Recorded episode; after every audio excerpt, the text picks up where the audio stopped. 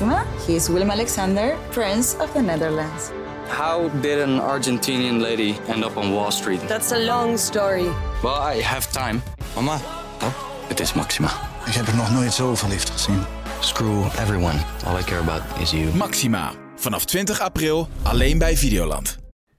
Vlak na de herdenking van onze doden en het vieren van onze vrijheid zat ik in de trein op weg naar Amsterdam. Eerste klas stilte coupé, omdat ik niet van mensen houd. Nou ja, wel van mensen, maar niet van hun verhalen. Nou ja, wel van verhalen, maar niet in een trein. Dat is een steeds groter probleem aan het worden. Mee moeten luisteren en geen kant op kunnen. Liefde, afhaalgedeelte Chinees restaurant, wachtend op een gezinszak friet bij de snackbar. En maar kwekken. En ze praten niet tegen mij. Ik heb dat geoefend voor de spiegel. Zo gaan staan en zo kijken dat ze meteen begrijpen: die man gaat mij, midden in mijn verhaal over die talen knobbel van mijn hoogbegaafde dochter, in het gezicht spugen. Ik heb die houding geperfectioneerd. Dat u een beeld hebt, mijn benen een beetje wijd, armen gekruist voor mijn borst. En dan kijken alsof je Rocky 9 opneemt, vlak voordat hij met een vlammenwerper twaalf helikopters uit de lucht maait. Even een terzijdetje trouwens. Waarom wordt vrijheid op de televisie gevierd in een decor van gevechtshelikopters? Wie heeft dat ooit verzonnen? Laten we zo'n vliegende legergroene huiskamer lekker helemaal vol duur met vals zingende Nederlandse artiesten en dan op een meshachtige manier naast een podium laten landen. Einde terzijdetje. Vrijheid dus. Leven en laten leven, mensen ruimte geven en gunnen. Zo zou het moeten zijn.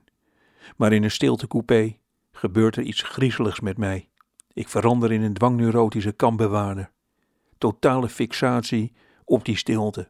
Zo werkt dat blijkbaar bij mij. Je zet het woord stilte op een raam en daarna ga je controleren of dat wel wordt nageleefd. Psychologisch gebeuren er allemaal hele boeiende dingen. Juist omdat het stil moet zijn, zit ik als een gespannen veertje te wachten tot iemand zich daar niet aan houdt. En gisteren gebeurde dat. Bij station Schiphol stapten twee Franse vrouwen in. Ze wurmden zich met enorme koffers in de eerste klas. En ik dacht, die weten dus helemaal niet dat dit eerste klas is. Gingen die Fransen, met hun staande toiletten, nou opeens net doen alsof ze de luxe niet begrepen? En daarna begonnen ze Franse geluiden te maken. Oh la la, oui, merde. Expres van dat hele overdreven Frans. Dat het me echt in zaten te wrijven dat ze uit een ander land kwamen. Ik dacht toen twee dingen. Ik dacht, ik heb speciaal betaald voor eerste klas en zij niet. En ik dacht, die zijn tot aan het Centraal Station niet stil. En ik siste dat ze silence moesten zijn. En leerde ter plekke dat ik voor eeuwig gevangen zit. In mijn eigen dwanghoofd.